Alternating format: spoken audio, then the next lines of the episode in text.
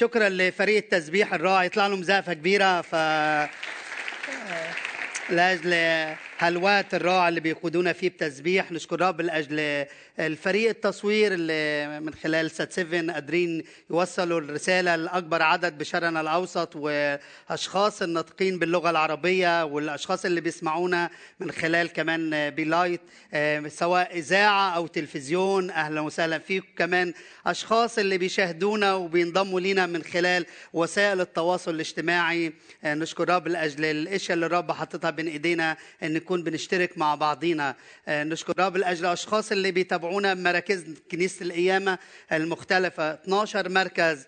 بيتابعونا من مناطق مختلفة بلبنان بهالوقت بينضموا لينا سبتية نبعة سن الفيل صيدا عندارة عزونية صغرتها ما بعرف مناطق كتيرة موجودة بشكر رب لأجل عمل الرب من اللي بيمتد من خلال الكنيسة. بنرحب بأي حدا جديد موجود وسطنا اليوم إذا كان أول مرة تحضر معنا بالكنيسة جسدياً.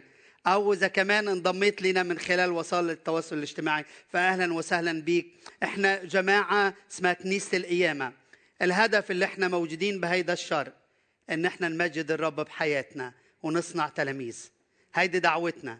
هيدي رسالتنا بهيدا الحياة. فشجعك تكون إذا أنت مش منضم لكنيسة ببلدك شجعك تنضم لينا. وإذا أنت منضم لجسد أو لمجموعة شجعك انضم معها واصنع تلاميذ مثل رؤية كنيسة القيامة. رح ننطلق اليوم ومنعزها زي ما قال دانيال تحت عنوان سقوط الأقنعة. سقوط الأقنعة. من إنجيل يوحنا فصل التاسع أو أصحاح تسعة والمعجزة في حوالي 41 عدد رح مش أقدر أقرأ ال 41 كرمال الوقت تبعونا وقت محدود فعلشان هيك رح أقرأ بعض الأعداد من هيدا العزم. إنجيل يوحنا فصل التاسع أو أصحاح تسعة ابتداء من العدد الأول. خلينا نقف وإحنا بنقرأ كلمة الرب مع بعض استماعا لكلمة الرب. وفيما هو مجتاز أي يسوع وتلاميذه رأى إنسان أعمى منذ ولادته فسأله تلاميذه قائلين يا معلم من أخطأ هذا أم أبواه حتى ولد أعمى؟ أجاب يسوع لا أخطأ هذا ولا أبواه لكن لتظهر أعمال الله فيه. ينبغي أن أعمل أعمال الذي أرسلني ما دام نهار. يأتي ليلا حين لا يستطيع أحد أن يعمل. ما دمت في العالم فأنا نور العالم. قال هذا وتفل على الأرض وصنع من التفل طينا وطلى بالطين عيني الأعمى. وقال له اذهب اغتسل في بركة سلام الذي تفسيره ملسم. فمضى واغتسل وأتى بصيرا.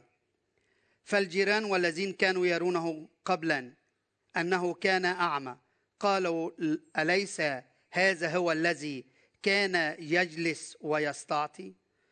آخرون قالوا هذا هو وآخرون إنه يشبهه.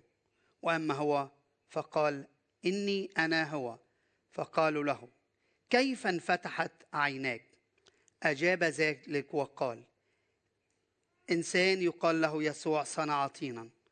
وطلع عيني وقال لي اذهب إلى بركة سلام واغتسل. فمضيت واغتسلت فأبصرت فقالوا له أين ذلك؟ قال لا أعلم. تفضل استريح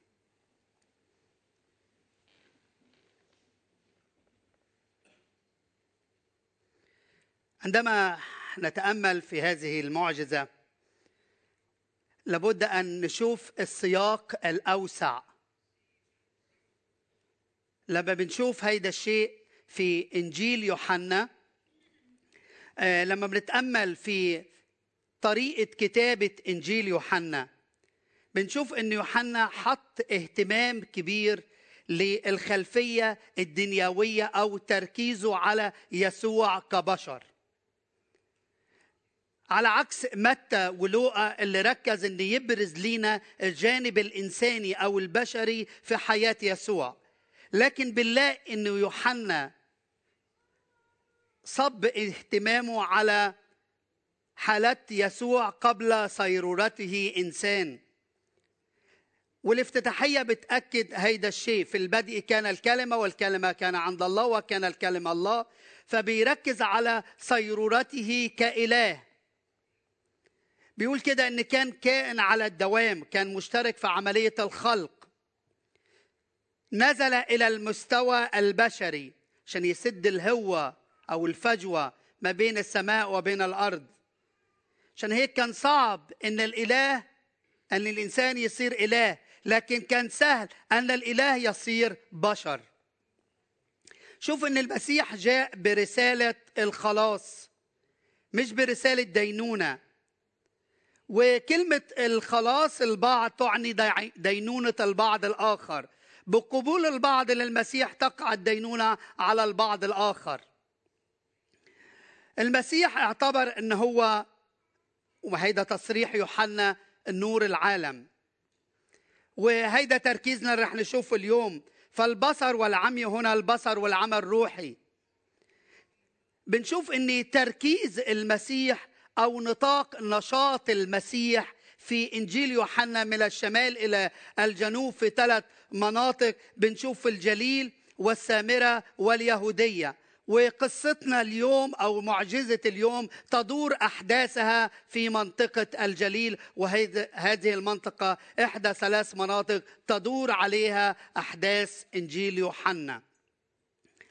بنشوف إن إنجيل يوحنا من خلال تصريح الكاتب اللي موجود في إنجيل يوحنا أصحاح 20 آية 30 و 31 بتقول هيك وآيات أخرى كثيرة صنع يسوع قدام تلاميذه لم تكتب في هذا الكتاب. وأما هذه فقد كتبت لتؤمنوا أن يسوع المسيح هو ابن الله وكي تكون لكم حياة إذ آمنتم باسمه.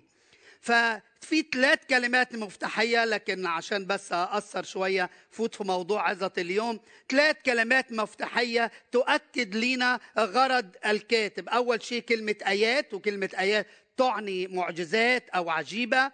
وكلمة كمان تؤمنوا وتكون لكم حياة. هيدي ثلاث كلمات مفتاحية لدراسة إنجيل يوحنا. ومن هذا التصريح اللي أعلنه يوحنا في يوحنا عشرين أن في آيات كثيرة أو معجزات أو عجائب كثيرة صنعها يسوع لم تكتب لكن نلاقي أن يوحنا انتقى أو اختار معجزات لكي توصل لنا الهدف. أنه يعلن لنا إن يسوع المسيح هو ابن الله. فمن خلال هذا التصريح أو هذا الإعلان بنشوف إن يوحنا انتقى الآيات اللي كان أو المعجزات عشان تقدر توصل هدفه. يوحنا كان شاهد عيان على عكس آه، لوقا. لوقا اللي كان بيقول كده كان بيتتبع معايل الأحداث من الأشخاص السابقين له. لكن نلاقي إن يوحنا كان شاهد عيان للمعجزات والآيات الذي التي صنعها يسوع. فإنجيل يوحنا بيكتب وهو شاهد عيان لهذه المعجزات. إنجيل يوحنا أكثر إنجيل حظى باهتمام كتير في الرد على الهراطقه بنلاقي إن يوحنا فم الذهب أو ذهبي الفم كتب من إنجيل يوحنا في القرن الرابع 88 عظة بتتكلم عن إنجيل يوحنا. تقريبا غطى الإنجيل كله باستثناء آه، يوحنا 8 قدم مواعظ وبنلاقي كمان إن أثناسيوس لما كان بيحارب آه، أريوس في بعده أريوس قالوا له العالم ضدك يا اثناسيوس قال وأنا ضد العالم وهو ماسك بإنجيل يوحنا مستند على إنجيل يوحنا. فقد إيه هذا الإنجيل كان في آه، آه، هدم معتقدات هراطقه كثيره من خلال الاستناد على إنجيل إنجيل يوحنا. اليوم لأن إحنا تركيزنا على معجزة من المعجزات الموجودة كلمة آية أو كلمة آه، عجيبة أو كلمة معجزة بنلاقيها بتيجي في آه، اللغة العربية بمعنى آيات أو معجزات. هي جاية بكلمة σῆμα أو σημεῖον باللغة اليونانية وهي كلمة وردت ثلاث مرات في العهد الجديد بالثلاث مفاهيم فكلمة τέρας أو δύναμις أو παράδοξον هيدي كلمات مختلفة توصف لنا كلمة المعجزة. تركز وكلمة σημεῖον هي توصف المعجزة نفسها. تركز على المعجزة من حيث الإشارة إلى القوة اللي صنعت المعجزة. التركيز على القوة اللي صنعت المعجزة. وهنا التركيز ليس على المعجزة نفسها بل على التركيز على القوة اللي صنعت المعجزة القوة اللي حركت المعجزة. وهذا يسوع اللي عمل المعجزة. فها بيركز ودي الكلمة اللي بيستخدمها يوحنا كتير بهيدا المقطع. دوناميز وهي تعني وراء كل معجزة توجد قوة غير عادية. ودي بيتكلم عنها كمان من خلال فكرة كلمة المعجزة. إنجيل يوحنا كان إنجيل انتقائي يعني اختار المعجزات اللي تقدر تخدم تخدم هدفه. اللي تقدر تخدم هدفه على عكس الأناجيل الايذائيه أو الأناجيل المتشابهة اللي هو متى ومرقس ولوقا. لا إن يوحنا ركز على إن يبرز يسوع أو يعلن لنا يسوع من خلال جوانب مختلفة. عشان هيك يوحنا بنلاقيه اختار سبع معجزات. في معجزات كثيرة زي ما قال كده وآيات أخرى صراحة يسوع لم تكتب في هذا الكتاب. فلاقي يوحنا اختار سبع معجزات بيتكلم عنهم إن بيفرجينا أو يبرز يسوع من جانب مختلف من الجوانب اللي في شخصية يسوع. فبنشوف يوحنا 2 من 1 ل 11 تحويل الماء لخمر كشف يسوع عن نفسه باعتباره سيد على النوعية من خلال إحداث تغيير فوري على عصير العنب أو نتاج الكرمة. فهيدا أول معجزة. فبنشوف هيدا اللي يوحنا بيختار لنا أو بيرز لنا شخصية يسوع سلطانه على النوعية. شفاء ابن خالد خادم الملك يوحنا 4 46 ل 54 من خلال شفي. شفى الصبي الذي كان على بعد عشرين ميلا عن يسوع. أظهر يسوع نفسه سيد على المسافة سيد على المسافة.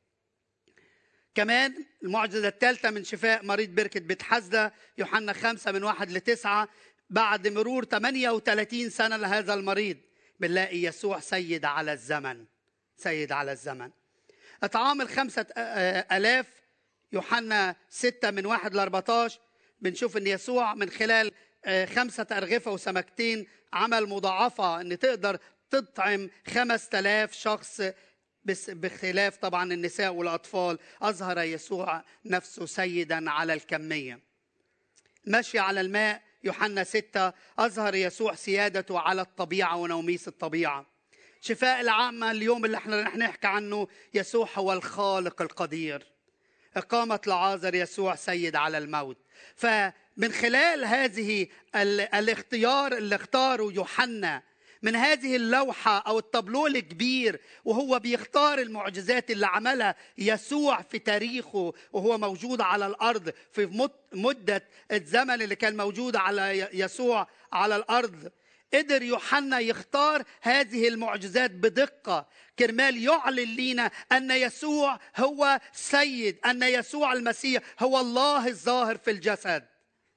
فكل جانب من الجوانب السبع معجزات الموجودة يكشف لنا عن أمر معين أو جانب معين من جوانب حياة يسوع. وكان الهدف هو القبول أو الرفض. بنشوف كمان آيات مفتاحية في إنجيل يوحنا غير الهدف والقصد إن بيقول كده في يوحنا 8 12 أنا هو نور العالم وهيدا مدخل لعظتنا اليوم. فهو المرشد الحقيقي والوحيد في وسط الظلمة الروحية. بيقول كده في يوحنا 9 5 اللي إحنا قريناه ما دمت في العالم فأنا نور العالم. جاء يسوع يعلن عن ألوهيته. فمن خلال هذه المعجزة شفناش في الأناجيل الأربعة أن يسوع شفى أحد مولود بإعاقة أو مولود بعاهة أو مولود بمرض. فهذه المعجزة هي الوحيدة في الأربع أناجيل تتكلم عن شخص مولود بهذا المرض أو بهذه الإعاقة. لكن بنشوف طبعا في أعمال الرسل في معجزتين أن الأعرج من بطن أمه أعمال ثلاثة اثنين والمقعد من بطن أمه أعمال 14 8 غير هيك بالأناجيل الأربع ما بنشوف غير هيدي المعجزة الوحيدة اللي بتتكلم عن حدا مولود بهذه الإعاقة. شوف طبعا هو مجتاز بيقول كده رأى شخص أعمى. وطبعا تلاميذه ابتدوا يسألوه يا سيد أخطأ هذا أم أبواه؟ التلاميذ ابتدوا يشوفوا موضوع يستلزم تحليلا لاهوتيا. يا معلم أخطأ هذا أم أبواه حتى ولد أعمى؟ طبعا السؤال كان يتركز على الحالة الخارجية حالة الشخص التعيس. شو اللي وصلوا لهذا السبب؟ وابتدوا يلاقوا تحليل لهذا الموضوع. طبعا هم كانوا عيونهم أكد الناموس أن يهوى يفتقد ذنوب الآباء في الأبناء في الجيل الثالث والرابع من مبغضيه وده خروج 20 خمسة. ويتكرر القول في خروج 34 6 و7 وهل أخطأ الرجل طبعا قبل ما يتولد أخطأ هذا أم أبواه؟ حتى ولد أعمى. إذا أخطأ أبواه صار أعمى. وإذا أخطأ هو كيف؟ قبل ما يتولد لأنه مولود أعمى. فكان فكرة الوجود آه، في الوجود السابق وطبعا بيتحمل الخطية اللي اتولد بيها. هيك كانوا بيفكروا. وبعض معلمي اليهود كانوا يتمسكون بعقيدة سبق الوجود وإعادة تجسد النفس البشرية. يمكن سؤال التلاميذ كان مجرد تخمين لكن التلاميذ هم كانوا همهم كانوا بسبب البلية اللي حصلت لهذا الشخص. كانوا منشغلين بحل بمحاولة حل المشكلة نظريا. أخطأ هذا أم أبويه؟ مش قادرين يساعدوه لكن قدروا يفكروا وفكرهم بس في الحالة الخارجية. وطبعا كان في اعتقاد كمان إن آه، سائد بأن الأمراض الجسدية والبلايا اللي تصب على الإنسان من الخطايا نتيجه نتيجة للخطايا أو أمور ارتكبها الإنسان. لكن يسوع يعلن رفضه لهذا الاقتناع. الاعتقاد لا هذا ولا أبوي. لكن بيحط لنا يعني جملة يعني تكاد تكون صعبة. لا ولكن لتظهر أعمال الله فيه. لتظهر أعمال الله فيه. والسؤال اللي يعني بيطرح نفسه كيف تظهر أعمال الله فيه؟ لا أخطأ هذا ولا ابواه كرمال هيك هو ما اتولدش أعمى. فيسوع رفض هذا الاعتقاد. لكن خدنا في طريقة لتظهر أعمال الله فيه. وأسئلة بتطرح نفسها قدامنا بهذا النص. هل يتألم الشخص من أجل أن يعلن مجد الله؟ هل كان القصد من العمى هو إتاحة فرصة للشفاء؟ فهذا يعني الشك في صلاح الله. جعل الشخص بريء يعاني لزمن طويل لمجرد أن يمكن لمجد الله أن يظهر أو لله يظهر قوته. هل هذا يتفق مع طبيعة الله؟ طبعا بنلاقي صعوبة في القول إن مجد الله لا يعلن إلا من عذاب الإنسان. هل تأذى الرجل لأجل مجد الله؟ لذلك ظل أعمى حتى أن يعلن مجد الله من خلاله؟ أي خطأ صنع؟ ماذا استفاد الله من ولادته أعمى كان جواب يسوع لتظهر أعمال الله كي يواجه أصحابهم السؤال في اتجاه آخر. طبعا في بعض الأسئلة آه سوري بعض النظريات بتجاوب على هذا السؤال. جربت أحط بعض النظريات للجواب على السؤال. ليش شخص اتولد أعمى؟ يسوع قال لهم لا أخطأ هذا ولا أبواه. طيب شو الحل اللي تظهر أعمال الله فيه؟ هل الشخص اتولد أعمى وظل أعمى يعاني من العمى حتى أن تظهر مجد الله فيه؟ كان تحدي كبير في هذا النص. طبعا بعض المقترحات اللي جربوا بعض المفسرين يجاوبوا عليها. أول شيء قالوا توجد أشياء في العالم لا نعرف السبب من وراءها. نجهل أسبابها. هذه المعرفة سوف نتخطاها في العالم الآتي. فهو فما هو محجوب الآن سيكشف لنا. في أسئلة مش رح نلاقي لها جواب. في أسئلة مش رح نلاقي لها أجوبة. خلي بالكم إحنا نعيش في المحدود. هذا الجسد محدود. لو لكل سؤال عندنا أجوبة ليه بطلنا بشر. صرنا آلهة. صرنا خارج المحدود. ففي أسئلة مش رح يلقى أجوبة وفي أسئلة بنفهمها بعد أج... أسئلة بنفهم ليها أجوبة بعدين. هذا أول أول آه، رأي. الرأي الثاني يقول كده الله له مطلق الحرية في خليقته ونحن لا يجب أن نسأل. اللي يخلى يخلى مش مشكل الله إحنا في إيديه زي البازل. مش مشكل يعمل فينا مثل ما بده. هو ليه مطلق الحرية. إحنا خليقته وهو يتصرف مثل ما بده فينا.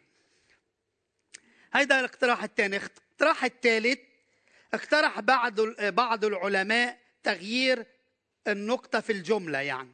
شو يعني؟ يعني لا أخطأ هذا ولا أبواه بحط نقطة.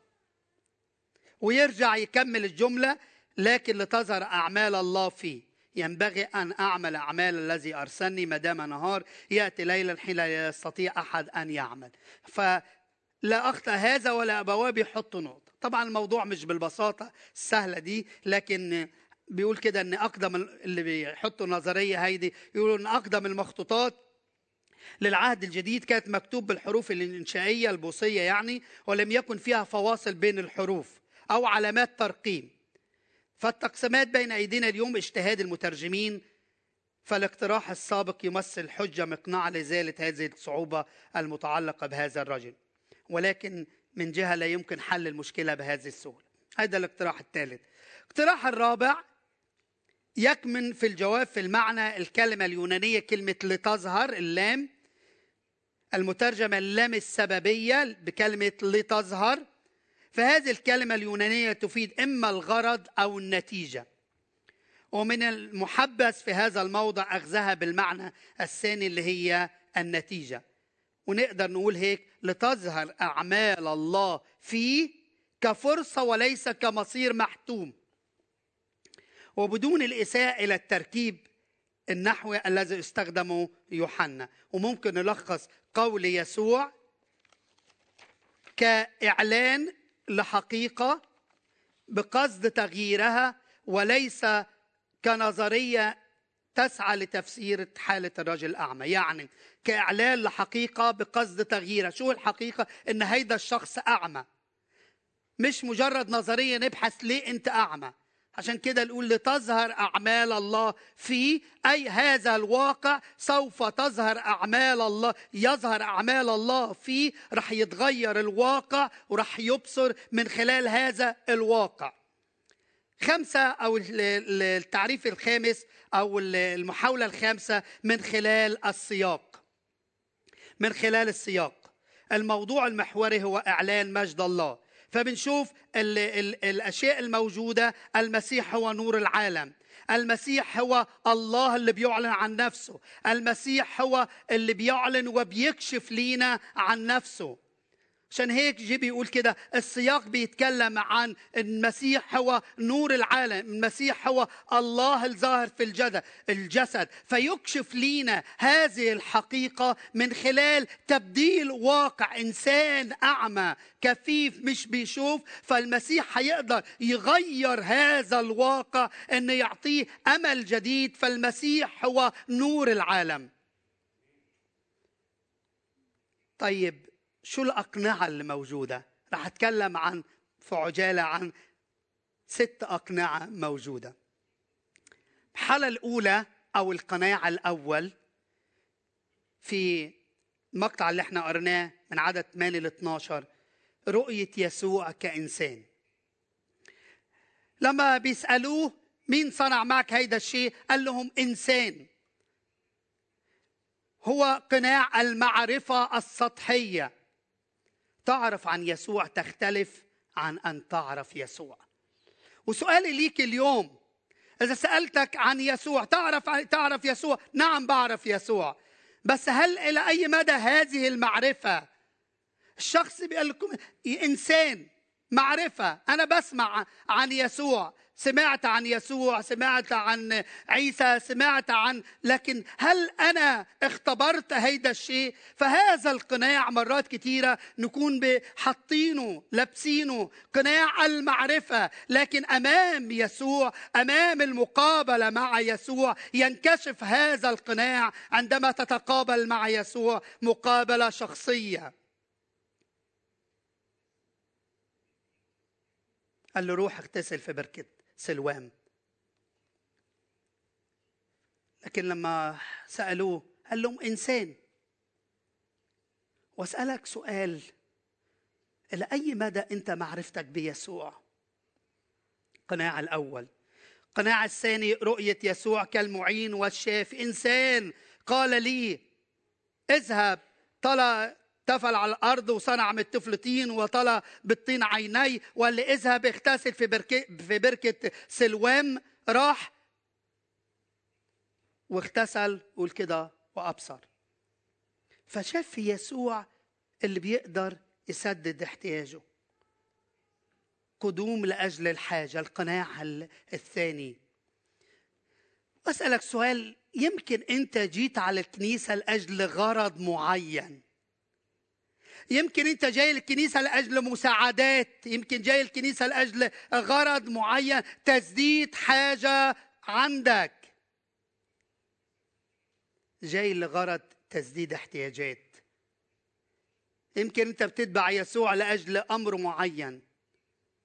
يمكن انت بتتبع يسوع عايز أقول لك لأبعد يمكن بتخدم يسوع كرمال تشبع رغباتك. إنك تلاقي تثبت ذاتك. فمرات بيكون في قناع.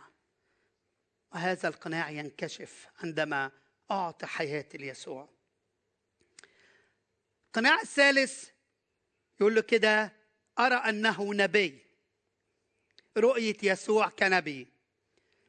وطبعا قناع المساواة بين يسوع والأنبياء. نسأل يسوع مثله مثل باقي الأنبياء. لا. يسوع هو الفريد يسوع بلا خطية يسوع هو ابن الله الظاهر في الجسد يسوع هو المخلص. ما في حدا قبله ولا بعده. قال أنا هو الطريق والحق والحياة. فيسوع ما في شيء يسويه من الأنبياء لا قبله ولا بعده. يسوع فريد في حياته يسوع فريد بمعجزاته يسوع فريد بشخصيته. فهو ابن الله الظاهر في الجسد. ما فينا ابدا نساوي يسوع لا من قبل ولا من بعد. الكتاب المقدس عهد قديم وعهد جديد محور ارتكازه هو يسوع جوهر تعليمه هو يسوع. من بدايته لنهايته من التكوين للرؤية يعلن لنا أن يسوع المسيح هو الإله الوحيد هو المسيح هو المخلص. فبصلي اليوم النهارده إن إن القناع تعلن وينكشف وينكسر هذا القناع مساواة يسوع بباقي الأنبياء. القناع الرابع. رؤية يسوع كالمخلص لما شافه هيك قال له أنا شايف إن هو آه، من الله من الله. قناع الزيف لمعرفة الحقيقة.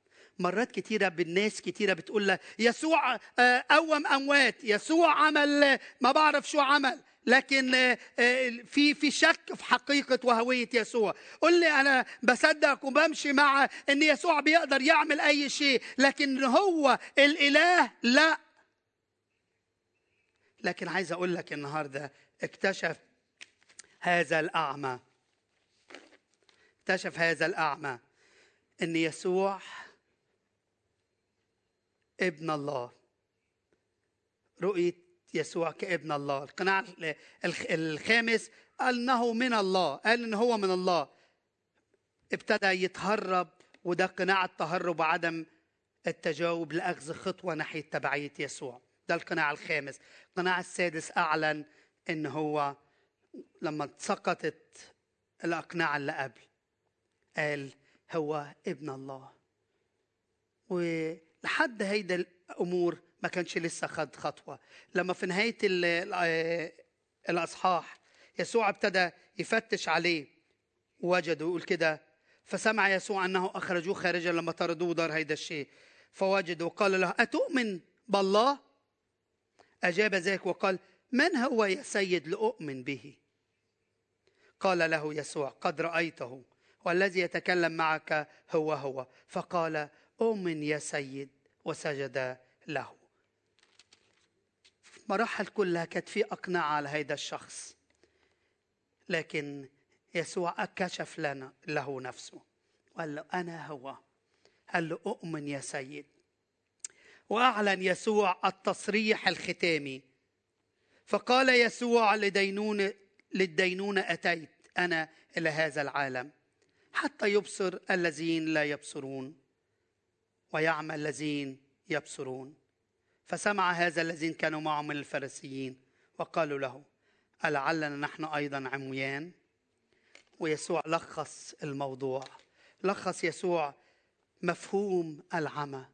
مفهوم العمى مش قصد العمى البصري لكن تكلم عن العمى العمى الروحي. شاف آخرين بكلمة منح البصر لمن ولد أعمى. وابتدى نشوف هيدا الشيء إن يسوع أعلن عن نفسه وده يوحنا بيركز على هيدا الشيء. أخذ طين وصنع من الطين طفل وطلع بالعيون الأعمى. وهيدي اللي ذكرنا بسفر التكوين. يسوع عمل إعادة خلق. زي ما الله أخذ تراب الأرض وجبل فيه نفخ فيه فصار إنسان آدم نفسا حية. فأخذ تراب وصنع من التراب إنسان. هكذا يسوع عمل إعادة خلق لأن يسوع المسيح هو يهوى يسوع المسيح هو الإله الظاهر في الجسد. فيسوع المسيح الإله يسوع المسيح هو إله. عشان هيك اليوم الرب بيقدم لنا دعوة دعوة. في أقنعة موجودة في حياتنا. في أقنعة كثيرة موجودة في حياتنا. أي قناع أنت لابس؟ قناع الزيف قناع. قناع المعرفة السطحية قناع أن أنت جاي وتتبع يسوع كرمال حاجات. اليوم الرب دعيك اليوم النهاردة بيقول لك أنا اللي هقدر أشبع حياتك. أنا اللي هقدر أنور عيونك. أنا اللي هقدر أصنع تغيير في حياتك. لما تيجي وتعطيني قلبك. لما سمعت يسوع إن يسوع هو نور العالم. هل تعطى حياتك له؟ كنت أنت مؤمن وتابع ليسوع فهل تسعى لتتميم الإرسالية كما فعل يسوع؟ إذا أنت لسه ما أدركتش إن يسوع هو المخلص الشخص لحياتك إذا أنت حاضر معنا أو بتسمعنا أقول لك اليوم اعط قلبك ليسوع سلم قلبك ليسوع سلم حياتك ليسوع. وإذا أنت تخدم يسوع خادم ليه؟ خلي تكون إرساليتك رقم واحد إرسالية يسوع ليك رقم واحد. إن تسعى لتتميم إرسالية الله. خلينا نغمض عيننا ونصلي.